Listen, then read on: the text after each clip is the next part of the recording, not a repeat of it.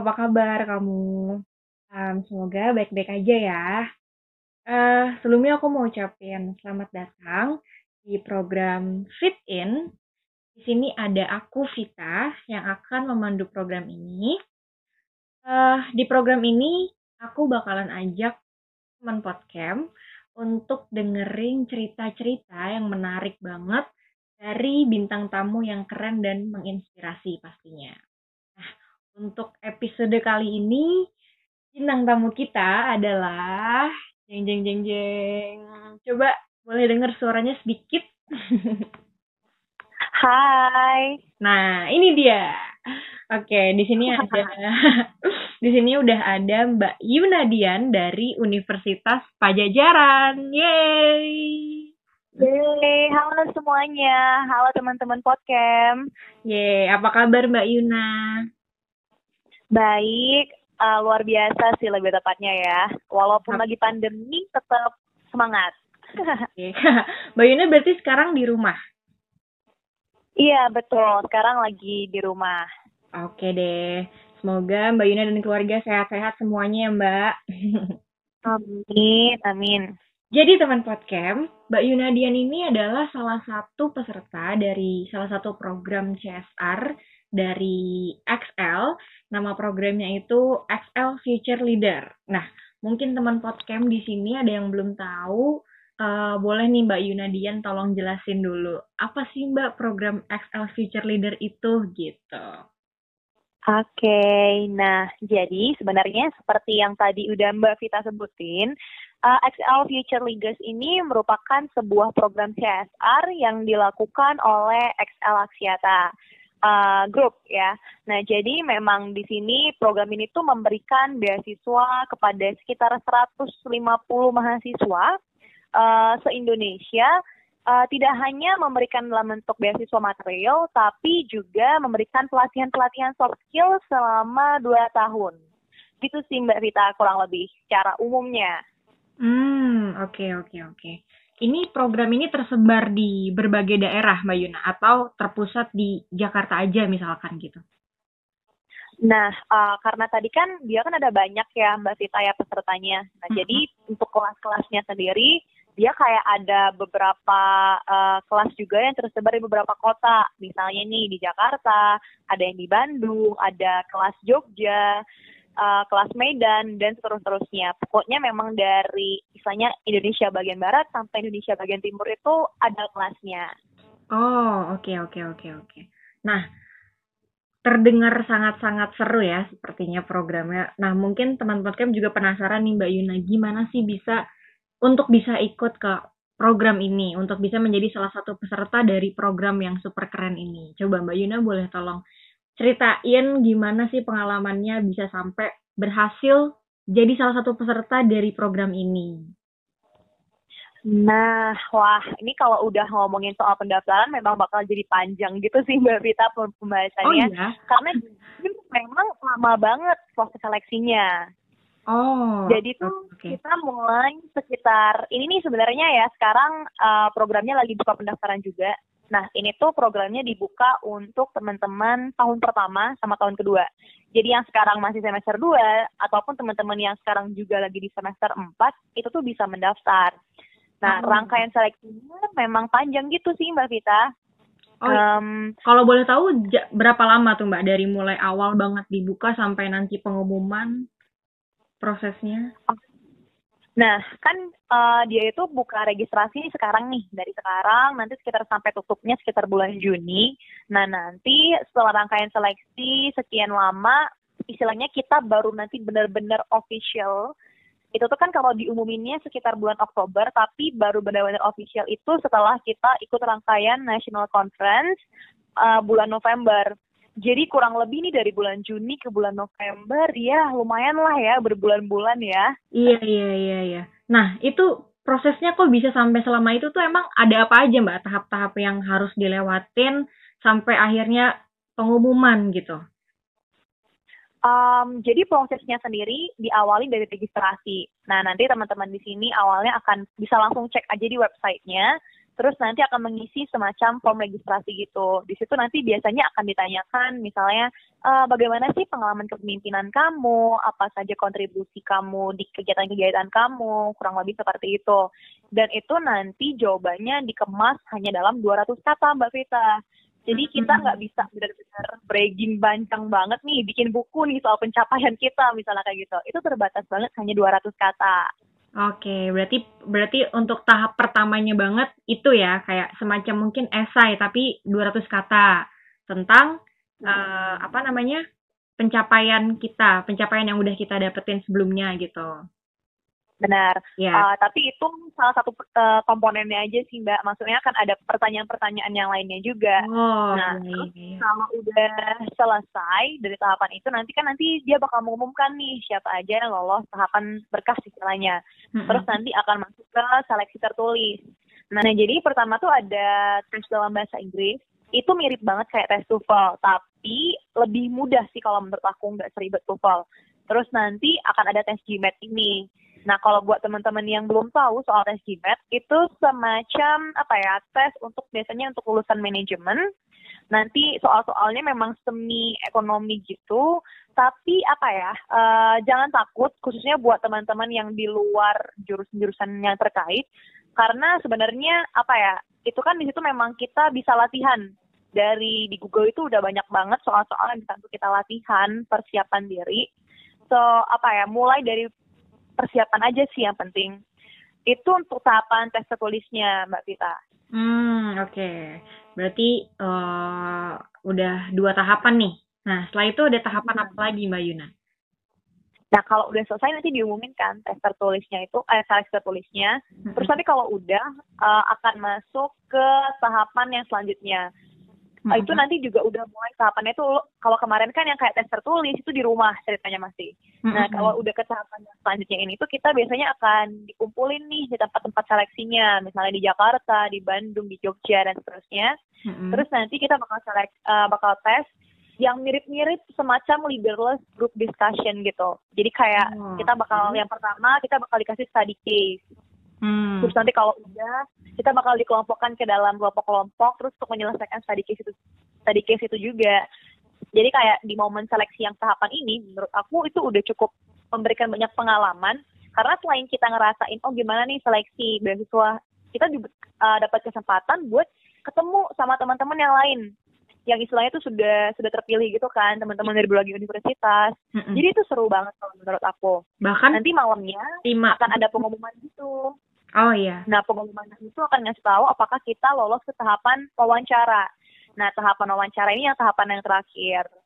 Itu sih Mbak Vita kurang lebih okay. tahapan seleksinya. Iya kurang lebih ada empat tahapan ya Mbak berarti dari awal banget buka pendaftaran sampai akhirnya pengumuman. Teman podcast hmm. bisa dengar sendiri tuh tadi bahkan belum sampai lolos, belum belum terpilih jadi salah satu pesertanya aja udah dapet banyak banget pengalaman cuman dari proses seleksinya doang. Wah, itu keren banget sih. Udah dapet relasi juga, kenal sama teman-teman baru. Itu baru proses seleksinya doang bahkan ya. Benar, benar banget. Bahkan tuh kita uh, jadi sebelum kita benar-benar ke tahapan yang nanti ke tahapan ketiga dan tahapan keempat itu kita kayak dikasih akses untuk uh, kelas online-nya dan kita kayak diwajibin ambil kelas pembuatan CV kita wajib ambil kelas online uh, persiapan untuk interview. Jadi benar kayak tadi kata Mbak Vita bahkan sebelum benar-benar terpilih pun kita itu udah banyak belajar. So kalau menurut aku nggak ada ruginya banget sih buat mencoba seleksinya. Hmm benar benar benar oke deh Uh, Oke, okay. tadi setelah melewati proses yang panjang untuk proses seleksinya, sekarang aku dan teman podcast yang di rumah nih mungkin udah penasaran banget juga nih. Gimana sih setelah udah uh, diumumkan bahwa Mbak Yunadian tuh lolos menjadi salah satu peserta di Access Future Leader dan setelah lolos tuh hal pertama yang dilakukan sebagai peserta tuh ngapain tuh Mbak Yuna? Wah, yang pasti yang lain pertama seneng dulu ya, lompat-lompat dulu nih, girang banget gitu kan. Karena kan kayak ya kan, udah lama banget, gitu ya. Iya, udah capek banget, kayak terus akhirnya baca pengumuman tuh kayak super seneng sih, nggak nyangka lebih tepatnya. Karena memang saingannya juga cukup ketat, itu ada sekitar 17 ribu orang yang daftar, dan yang kemudian kepilih itu cuma 150. Wow. Belum lagi kan waktu di proses seleksinya tuh kan kita kan kayak aku ketemu sama teman-teman lain yang aku tahu jauh lebih hebat gitu. Terus Mhm. kayak wah ini apa ya semacam privilege gitu dan emang Tuhan ngebantu banget istilahnya gitu kan. Iya. Itu pasti senang banget sih. Nah, terus nanti kalau udah selesai, em, setelah selesai senang-senangnya itu kita ngelewatin eh, ke tahapan namanya itu National Conference. Jadi seluruh peserta yang terpilih, Mhm. ada sekitar 150 orang, itu nanti kita dikumpulin ke acara conference gitu, dan apa ya istilahnya semacam welcoming lah gitu. Mhm. Tapi welcomingnya sendiri itu bukan cuma sekedar seremonial Mbak Vita, tapi kita benar-benar kayak belajar juga selama sesi uh, national conference itu.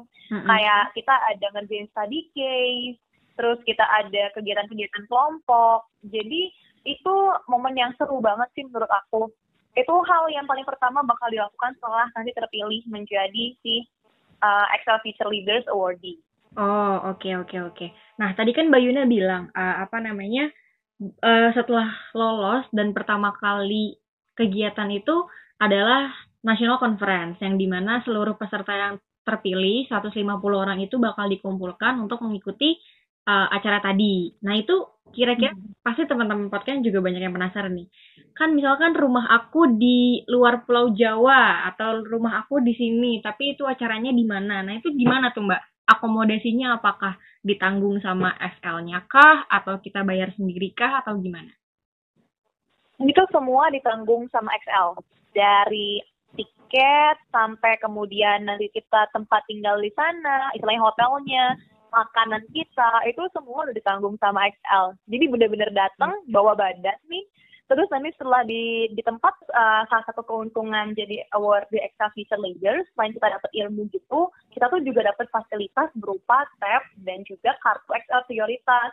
Nah, kartu ini tuh kita bakal dapat rutin pulsa setiap bulannya 200 ribu gitu selama 2 tahun. Tapi memang ini setiap tahun bakal beda-beda gitu sih, eh, Mbak Vita. Jadi memang tergantung tahun tersebut dapatnya apa. Tapi kalau tahun aku kemarin dapat itu sih. Gitu. Jadi Oke oke. datang nggak bawa apa-apa, pulang bawa oleh-oleh. Wow, emang bener-bener berarti eh, bukan cuman bakal dikasih ilmu, pengalaman, relasi, tapi juga difasilitasin untuk mengikuti seluruh rangkaian kegiatan selama dua tahun itu ya Mbak Yuna ya. Benar, benar banget. Seru banget sih. Jadi mungkin teman-teman yang khawatir mungkin kalau misalkan mau ikut tentang segala akomodasinya tenang, nggak perlu khawatir karena semuanya sudah dipersiapkan. Oke, Eh, mungkin kita lanjut aja ke, le- sorry salah.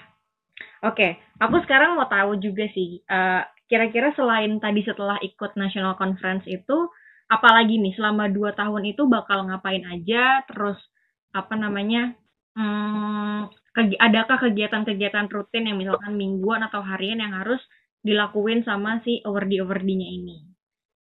Oke. Uh, kalau dari aku pribadi, aku ngelihat dengan aku menjadi awardee XL Future Leaders, itu kayak aku ikutan sekolah yang lain. Kenapa aku bilang aku kayak ikutan sekolah yang lain? Karena kita itu memang secara rutin setiap dua bulan sekali itu dapat workshop yang udah kayak benar-benar kelas gitu. Kita kayak belajar banyak hal. Kemudian kita juga dapat tugas-tugas nih, misalnya kayak um, uh, project-project dalam tim, kemudian tugas-tugas individu. Jadi kayak um, yang dipelajarin itu tuh kita dapat banyak banget setiap dua bulan sekali. Dan bahkan oke. selain kita dapat workshop itu, Mm-mm. di tengah-tengahnya itu kita juga ada sesi mentoring Mbak Vita. Jadi kan itu kita setiap kelas tuh ada fasilitatornya, semacam gurunya istilahnya gitu. Iya. Terus setelah di luar kelas dan workshop itu pun um, kita itu sebagai awardee bisa konsul gitu sama mentoring kita. Bukan cuma soal tugas-tugasnya aja, tapi memang sampai ke sesi misalnya kayak hal-hal di luar dari kelas. Let's say misalnya aku mau daftar magang, terus kayak aku bisa nanya nih sama fasil aku, di aku mau daftar magang nih, kamu bisa nggak bantu aku review uh, CV sama cover letter aku, kasih aku feedback gitu. Dan nanti Hmm. kita bakal bener-bener set uh, schedule buat ngomongin hal itu. Jadi memang apa ya, sesinya itu tidak hanya terbatas di dua bulan itu saja, tapi memang bahkan di sela-sela itu pun kita mempersiapkan, kita terus menjalani hubungan sama si fasilitatornya. Hmm, iya iya iya, oke oke. Jadi emang bener-bener apa namanya mentoring ini bener-bener mentor selama-lamanya gitu ya. Maksudnya selama selama jadi awardee ini bakal terus jadi tempat untuk kita bertanya gitu ya. Uh, benar-benar. Dan bahkan sebenarnya emang seharusnya sih maksudnya kita prioritasnya selama program dua tahun ini kan kita bisa benar-benar kayak menghubungi fasilitator kita. Mm-hmm. Tapi sebenarnya bahkan setelah aku graduate pun dari program ini, uh, aku masih bisa nih kayak konsul dengan fasilitator aku, walaupun mungkin nggak jadi prioritas lagi ya, karena kan ada studentsnya yang lain juga.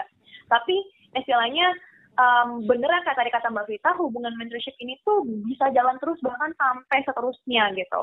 Wow. Itu sih hal yang aku value banget dari program ini karena menurut aku pribadi penting banget untuk ada orang yang bisa ngebantu lihat uh, ngelihat blind spot kita. Benar, benar. Jadi ngasih kita feedback, ngasih benar. kita bagaimana supaya kita bisa berkembang gitu. Benar, benar, benar. Karena kalau nggak nggak nggak dapet feedback, nggak dapet komentar apa-apa, kayak kita bakal terus ngerasa ah gue udah bagus, ah gue udah bener gitu ya terus tiba-tiba hmm. gagal gitu kan itu lebih sakit ya Iya benar-benar banget Mas kita. Menurut aku juga itu satu yang bisa jadi keunggulan dari program Excel Vision Leader ini sendiri. Hmm oke okay, oke okay, oke. Okay. Nah tapi selain dari mentoring ini ada nggak sih Mbak yang lain suka ataupun bahkan duka yang Mbak Yuna rasain selama mengikuti program Excel Future Leader ini yang bisa dibagiin diceritain ke kita kita nih yang dengerin. Mungkin suka dan duka, wah ini uh, agak sedikit tricky pertanyaannya karena kan sebenarnya baru ikutan dua kali workshop nih. Tapi kalau kita apa sih ada sih berbagai rasa itu.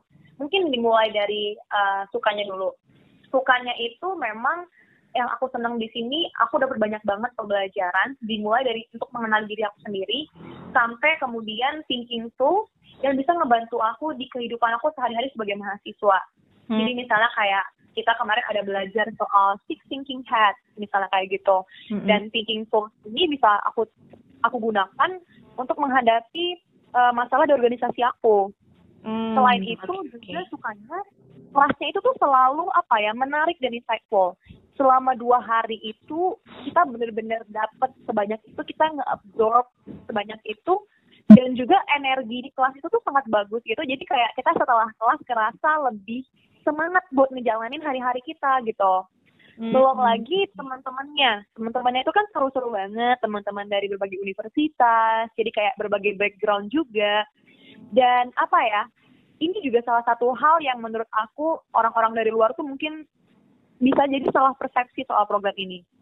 Wah, mungkin mereka mikir kayak ini program ini cuma untuk orang-orang yang ekonomi, anak-anak yang bisnis atau telekomunikasi gitu. Mm-hmm. Uh, kalau anak-anak jurusan lain kayaknya kurang cocok deh. Gue anak FK, let's say gitu. Gue kayaknya kurang cocok nih di program ini. Nah, tapi sebenarnya program ini tuh benar-benar nganakanin ke pengembangan soft skill. Yang artinya seluruh jurusan, seluruh latar belakang ilmu itu tuh butuh sebenarnya. Dan di program ini mereka itu bukan bertujuan untuk menjadikan semua orang sama, tapi bagaimana kita itu dengan warna kita masing-masing bisa memaksimalkan warna kita. Hmm. Jadi uh, seperti itu sih yang aku benar-benar seneng banget dari program ini. Hmm. Nah, okay. cuma memang kalau ngomongin soal dukanya nih, misalnya kayak gitu, mungkin ini bukan duka dari yang gue dapetin dari program, tapi perasaan gue waktu selama di program itu, apalagi awal-awal, mm-hmm. itu gue ngerasa banget yang namanya itu insecure. Wah, Waduh, udah mulai, udah mulai masuk ini nih, deep talk nih kalau udah ngomongin insecure ya. Iya. Yeah. Karena memang apa ya istilahnya itu kan di sini kan anak-anaknya bisa dibilang mereka itu berprestasi di bidang mereka masing-masing. Nah, waktu kita dikenal orang-orang yang benar-benar uh, bersinar, benar-benar kayak mereka keren gitu, itu mudah banget buat kita kemudian uh, berkaca dan akhirnya ngerasa bahwa kita masih jauh dari mereka. Kita itu nggak ada apa-apanya dari mereka. Aduh, gue gue kenapa bisa di sini ya? Gue kelihatan bego banget gitu. Bener banget. Nah, itu aku pun merasakan itu. benar-benar kerasa karena apalagi kalau kita di tengah-tengah circle yang semuanya terlihat seolah-olah tuh lebih daripada kita. Nah, uh, dan itu tuh kerasa banget dan terus menghantuin aku sendiri sampai kemudian aku ngobrol I, I got a chance to actually talk with my facilitator hmm. jadi aku kayak sedikit juga sama teman-teman aku yang lain kayak kalian ngerasain kayak gini gak sih dan ternyata teman-teman aku pun juga ngerasain hal yang sama terus kemudian aku inget banget dari fasilitator aku tuh kayak bilang gini hmm oke okay, apa yang membuat kamu insecure sama orang ini misalnya kayak gitu terus aku bilang iya karena dia itu aku lihat di Instagramnya dia menang banyak banget lomba dia A dia B dia C dia jauh lebih keren lah daripada aku misalnya kayak gitu mm-hmm. oke okay. terus uh, apakah dengan perasaan kamu ini akan membawa perubahan apa Hmm. Kayak oke okay, kamu kamu ngerasa insecure tapi kemudian apa yang bakal berubah? Apakah dengan kamu terus ngerasa rendah diri seperti ini itu akan membawa kamu untuk move untuk actually apa ya memberikan impact gitu? Hmm. Dan akhirnya itu aku sadar bahwa um, benar sih maksudnya kita boleh banget ngelihat apa ya kayak ikut senang dengan teman-teman bersama teman-teman kita tapi jangan sampai dengan melihat orang lain itu kita malah melihat rendah diri kita sendiri. Karena saat kita tuh udah mulai ngerasa insecure sama diri kita sendiri itu tuh menjadi penghalang kita untuk kita sendiri berkembang. Kita sendiri yang membangun penghalang itu. Kita sendiri yang membangun dinding itu. Dan akhirnya yang yang rugi kita juga kan pada akhirnya. Benar benar benar. Dan dan kayak si uh, fasilitator aku banyak banget bilang uh, saat kamu uh, merasa seperti itu yang paling penting itu adalah gimana kamu bisa ngelihat balik lagi ke diri kamu. Apa sih sebenarnya value yang aku punya? Apa sih sebenarnya nilai yang aku punya? Dan apa sih sebenarnya, dan itu nggak harus sama dengan orang lain. Itu bisa aja beda. Mungkin dia hebat di lomba, mungkin kamu hebat di bidang yang lain, mungkin kamu hebat dari gerakan-gerakan sosial kamu, mungkin kamu hebat dari bagaimana kamu bisa menghibur teman-teman kamu. Jadi uh, instead of kita terus membandingkan, coba untuk mengenali diri sendiri. Benar. Jadi memang dibilang apa ya, ada roller coaster perasaan juga hmm. di tengah lingkungan yang yang berbeda ini, tapi pada akhirnya justru perasaan-perasaan yang seperti itulah yang membuat kita tuh ngepush kita buat berkembang. Mungkin itu sih kalau aduh sedikit curhatan kecil dari Yuna Dian.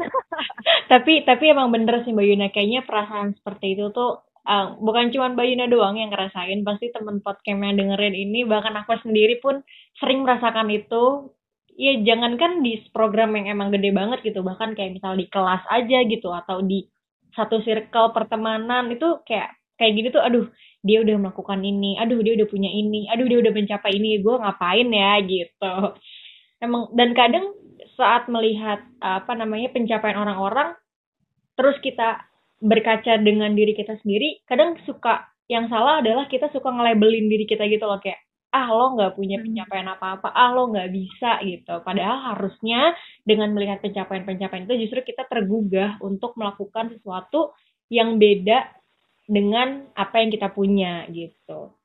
Iya, bener banget sih. Kuncinya adalah bagaimana kita mengenal diri kita, kemudian kita ngelakuin hal yang berbeda gitu. Iya. Karena nih, uh, another things yang gue dapat dari um, proses gue di Excel Future Leaders sama beberapa bulan ini, um, penting banget untuk kita itu bisa menjadi uh, purple cow atau sapi yang berwarna ungu. Di tengah banyaknya sapi-sapi yang berwarna hitam dan putih. Hmm. Dan itu gak harus cara justru gini misalnya kayak oke okay, kamu di tengah orang-orang yang semuanya itu misalnya pinter karena dia sering, sering menang ikut lomba gitu. Nah kamu mungkin emang kurang di situ tapi apa yang ngebuat kamu tetap terlihat di tengah keramaian itu? Jadi memang kita harus fokus di situ gitu. Um, dulu ada kayak orang yang alumni dari program kita dia nge-share gini itu ada Kak Ino mungkin kayak say hi itu Kak Ino. Jadi dia cerita bahwa hmm, dia kan jadi awardee dari LPDP kalau teman-teman tahu itu program beasiswa luar negeri gitu S2 ya dari pemerintah nah, terus, kalau LPDP benar. Nah terus ada satu teman dia yang lulus Uh, tapi bukan karena list pencapaian dia di seperti yang lain gitu. Pencapaian dia itu bukan menang lomba, bukan apa ya menjadi ketua apa gitu-gitu. Mm-hmm. Pencapaian dia adalah dia menjadi ketua RT. Wow. Di usia dia yang masih 24 tahun sekian. Wow. Mbak Yuna, ibu saya ketua RT juga loh. oh, wow. Maaf, intermezzo dikit. Lanjut, lanjut. Jadi, itu pencapaian. Karena okay. bayangkan ya, mm-hmm. orang yang di usia yang semuda itu, mm-hmm. di saat semua orang sedang sibuk dengan dirinya sendiri, dia mau menjadi ketua RT gitu. Oke, okay, okay. Itu kan sesuatu yang berbeda dan hmm. bisa ditanya kenapa kamu melakukan hal itu. Iya, karena kalau bukan saya, siapa lagi yang bisa untuk menggerakkan RT saya nah hmm. dan saat itu tuh kayak kita jadi sadar gitu loh kita kayak benar-benar ketampar bahwa uh, jangan sampai kita tuh terlalu apa ya under value kita sendiri juga yang kayak tadi katanya mbak kita terlalu melabeli diri kita sampai akhirnya kita menutup apa yang menjadi apa sih hal yang kita suka lakukan? Apa sih warna yang kita uh, apa sih dampak yang kita berikan kepada orang lain? Kita harus lebih fokus ke situ gitu dibandingkan terus membandingkan diri kita dengan orang lain. Betul betul, gitu. betul. jadi bukan hanya soal apa seberapa besar pencapaian yang udah kamu bikin tapi seberapa berdampak atas pencapaian yang udah kamu lakukan tadi gitu nggak sih mbak? Kayak sekecil apa pun selagi itu punya manfaat untuk orang lain, punya manfaat untuk lingkungan sekitar kamu, itu ya itu udah sangat-sangat bagus untuk kamu gitu. Iya benar. Yang penting kita belajar dari prosesnya. Itu iya. aja sih. Betul betul. Selama kita belajar, selama kita berkembang, nggak ada yang sia-sia gitu yang kita lakukan. Oke, benar banget sih Mbak Yuna. Aduh, aku dengerin ceritanya jadi tadi tadinya insecure juga tapi jadi sekarang sudah sedikit memiliki dorongan untuk melakukan sesuatu gitu oke okay. iya um, um, Bayuna ini ikut program ini tuh uh, apa namanya emang udah keinginan dari lama kah emang benar-benar kayak gue harus ikut program ini gitu atau kayak tiba-tiba tahu muncul di Instagram ada iklan programnya terus daftar gimana tuh Nah, aku tipe yang kedua sih. Yang kedua. nah, jujur aku tipe yang kedua. Sebenarnya kalau untuk uh, apa ya pencitraan harusnya aku untuk yang pertama nggak sih kayak oh iya aku udah aim for this opportunity. Iya gitu. benar-benar kayak mempersiapkan segala sesuatu gitu untuk daftar. Benar. Jujur tadi aku yang kedua yang cuma kayak lagi scrolling tiba-tiba eh muncul. Oke. okay. Yang kedua aja tapi masih lolos ya gimana yang pertama tuh? Aduh, bener. Tapi puji Tuhan sih, mungkin emang lagi rezekinya di sini. Jadi aku memang waktu itu kayak memang sering uh, nge, apa ya ngefollow akun-akun yang sering ngasih info-info beasiswa, ngasih info-info lowongan magang dan kawan-kawan gitu kan. Terus emang waktu itu muncul, terus kayak aku baca persyaratannya, oh ini bisa nih tahun pertama sama tahun kedua, ya udah gas aja gitu. Karena aku selalu mikir di mindset aku adalah uh, nothing tulus juga gitu loh. Kayak ya udah lo ikutan kalau bisa lolos seneng banget. Kalau nggak bisa lolos gue udah belajar sama prosesnya. Jadi ya, gue mah kayak gitu aja gitu. Dan saat itu pas Bayu Nadasar juga masih tahun pertama kan. Jadi kayak misalkan nggak lolos oke okay, gue masih bisa coba tahun kedua sih. Eh gue udah tahu oh tesnya kayak gini kayak gini kayak gini gitu kan. Kalaupun nah, si tahun dua nggak lolos juga ya bisa coba di program lain. Betul Mbak Yuna? Eh, iya benar benar banget. Karena kan pada akhirnya apa yang kita maksudnya proses kita pernah ikutan seleksi itu kan kita belajar dari situ dan gak akan sia-sia gitu loh. Bener. Misalnya kayak oh aku udah belajar buat nge ngemas sisi aku, aku udah belajar buat bagaimana nih interview yang lebih baik. Dan kalaupun belum jodoh di program ini, bisa dipakai untuk daftar program lain sebenarnya. Iya, bener banget. Kayak misalkan di interview deh kayak interview kan kita sebelumnya nggak tahu nih dapat pertanyaan apa sih kalau misalkan interview program-program beasiswa kayak gini gitu oh ternyata kemarin pas gue ikut program ini dapat pertanyaan A, B, C. Bisa kita siapin jawabannya untuk program yang lain gitu kan. bener, bener, bener. Setuju. Pokoknya apa ya, aku tuh sering banget, dan mungkin aku juga pribadi, ketemu juga teman-teman yang lain yang ngerasa kayak belum apa-apa itu udah keburu jiper nggak mau daftar. Jadi kayak, ya, ya ampun, kalau kayak aku mah mana bisa gitu Nah, akhirnya menutup kesempatan itu sendiri kan. Padahal siapa tahu iya. bisa gitu. Kalau misalnya emang mau dicoba, mau istilahnya perang dulu nih, jangan belum perang aja udah mundur gitu. Benar, benar. Jadi benar, benar buat teman-teman juga di sini, kalau memang ngerasa bahwa oh uh, program ini tuh beneficial buat diri aku. Aku ngerasa aku butuh nih program seperti ini buat pengembangan diri aku, buat ngewujudin mimpi-mimpi aku. Uh, diperjuangin aja dulu dari sekarang. Benar, benar, benar, benar. Di, Oke, mungkin itu sih teman podcast sekarang udah banyak yang uh, tergugah, mungkin sedik, uh, sedikit banyak mendengar cerita dari Mbak Yuna tentang betapa uh, beneficialnya program ini. Nah, mungkin Mbak Yuna bisa kasih tips nih buat teman podcast yang lagi dengerin sekarang. Apa aja sih yang kira-kira perlu dipersiapkan kalau misalkan teman podcast mau daftar program XL Feature Leader? Oke, okay.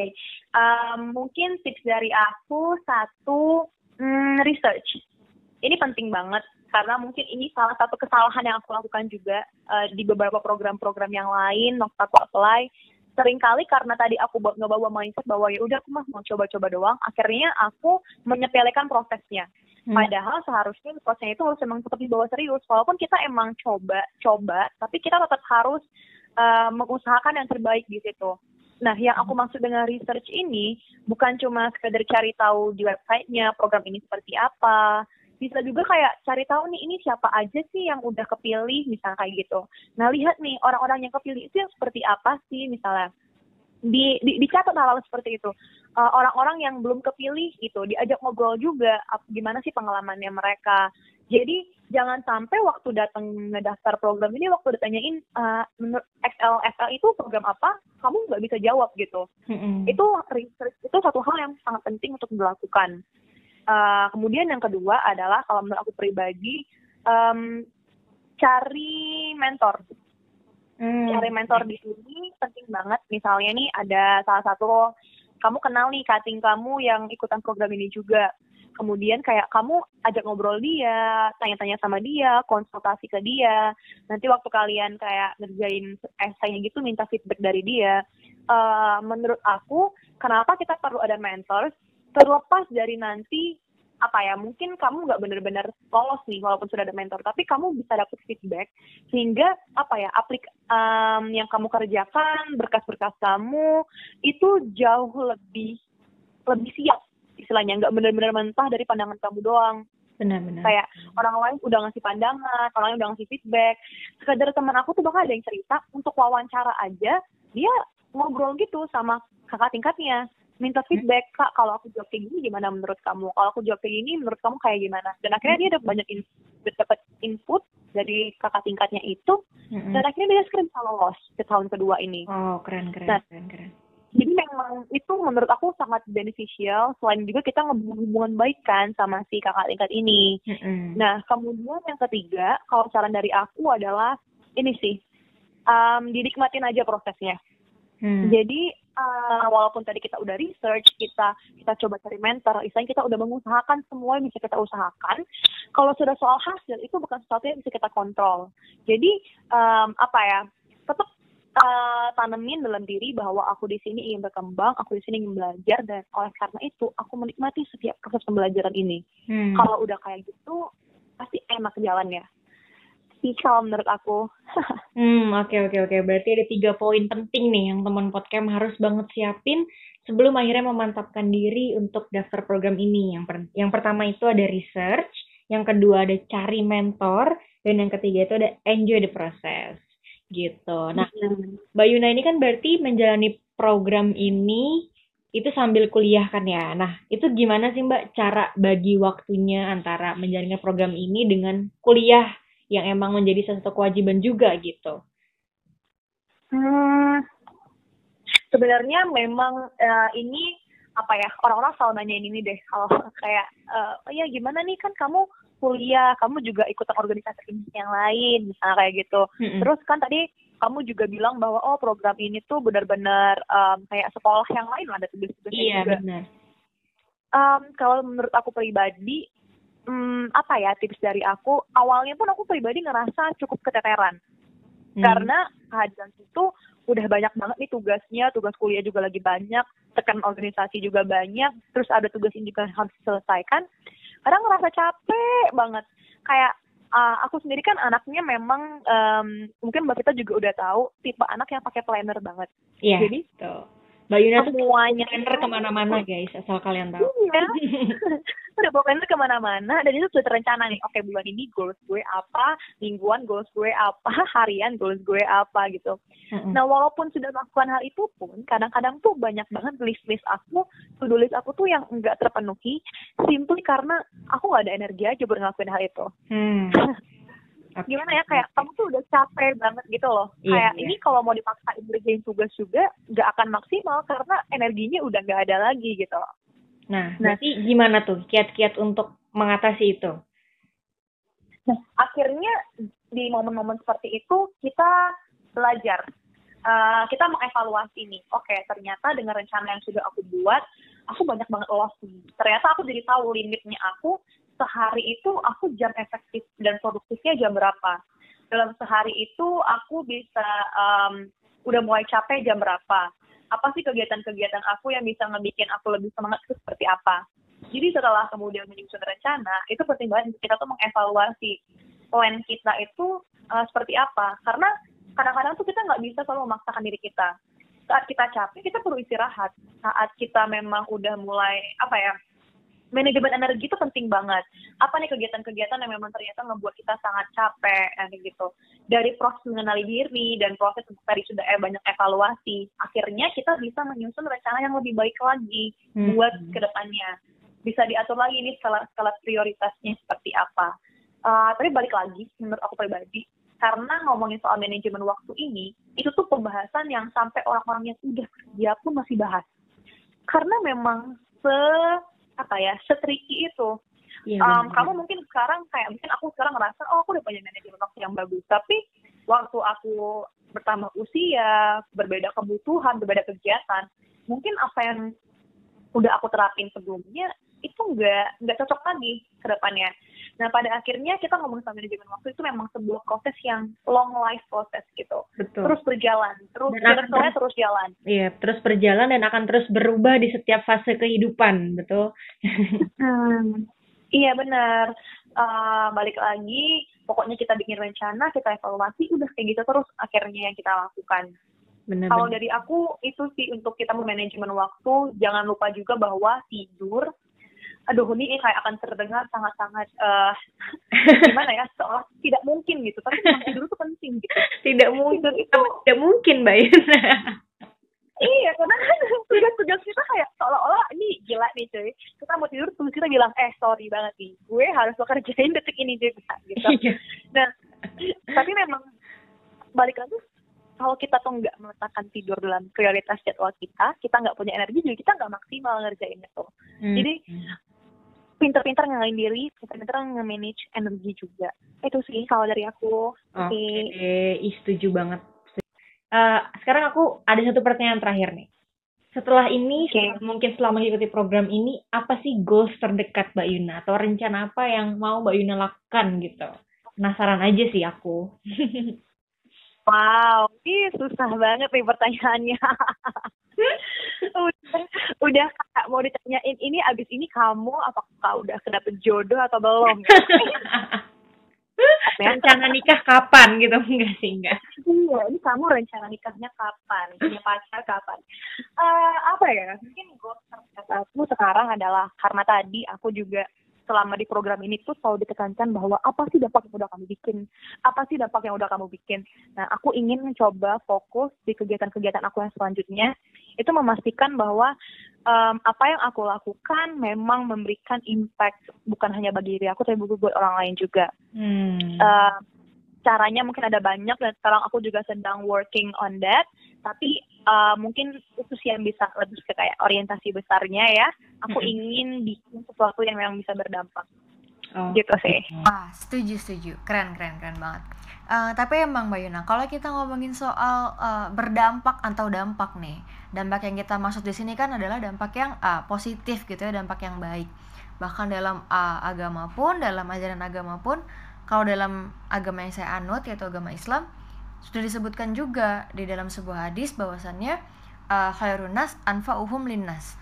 Manusia yang paling baik adalah uh, manusia yang paling bermanfaat uh, bagi manusia lainnya gitu. Jadi emang sebagai seorang manusia uh, sudah menjadi sebuah keharusan untuk kita uh, bisa menjadi manfaat bagi sesama gitu ya. Mengingat kita adalah makhluk sosial yang saling membutuhkan dan gak bisa hidup sendirian gitu.